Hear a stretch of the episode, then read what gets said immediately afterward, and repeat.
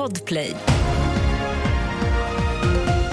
Det här är senaste nytt. Regeringen kan kalla till sig storbankerna efter ett nytt besked om miljardutdelningar till aktieägarna. Idag redovisar SEB sin senaste kvartalsrapport innehållande en vinst på 11,3 miljarder före skatt. Och precis som konkurrenten Swedbanks styrelse igår föreslår SEBs styrelse en kraftig höjning av utdelningen. Om man räknar in återköp får ägarna dela på nästan 27 miljarder kronor. Och enligt finansminister Elisabeth Svantesson sticker det i ögonen.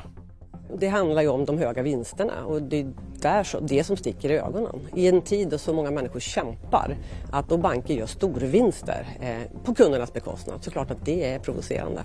Men vad gör du? Kommer du kalla bankerna till dig igen? Kommer du fortsätta föra samtal här?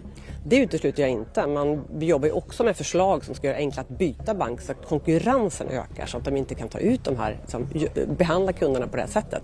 Och det arbetet fortgår.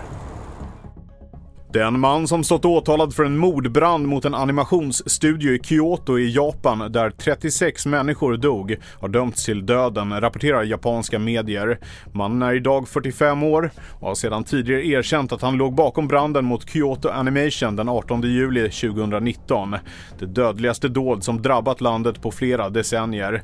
Enligt åklagaren i ärendet ska den dömde ha velat hämnas på studion för ett påstått plagiat. Mer nyheter hittar du på tv4.se.